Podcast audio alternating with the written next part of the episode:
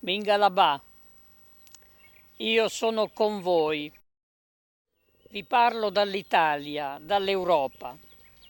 Noi siamo con tutti voi. Un anno dopo la nascita del governo di unità nazionale in Myanmar, noi continuiamo con voi a resistere fino alla vittoria per il Myanmar democratico. Il mio abbraccio è per tutti voi, per Aung San Suu Kyi che resiste in nome della libertà del suo popolo, per il governo di unità nazionale che vi rappresenta nel mondo mi inchino ai martiri, li ricorderemo per sempre. Oggi i popoli resistono come il popolo del Myanmar, come il popolo dell'Ucraina. La comunità internazionale non riconosce il regime militare in Myanmar.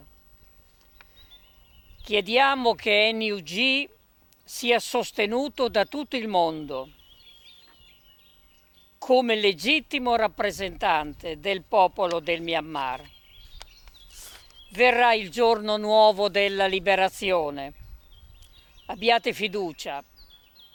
I dittatori sembrano giganti, potenti, ma hanno i piedi di argilla. Crolleranno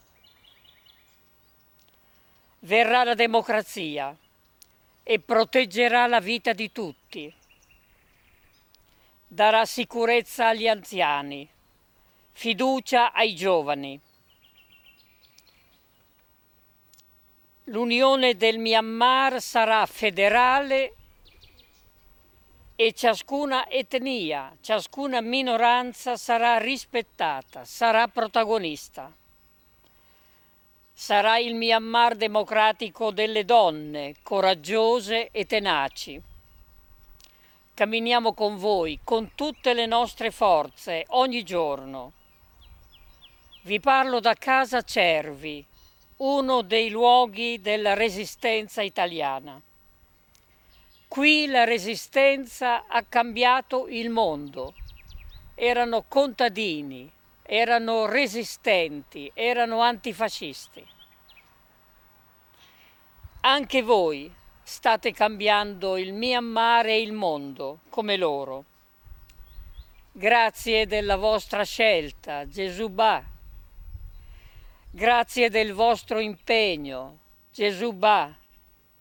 Grazie della vostra testimonianza, Gesù Ba. Non vedo l'ora di venire da voi con tanti amici. Mingalabà.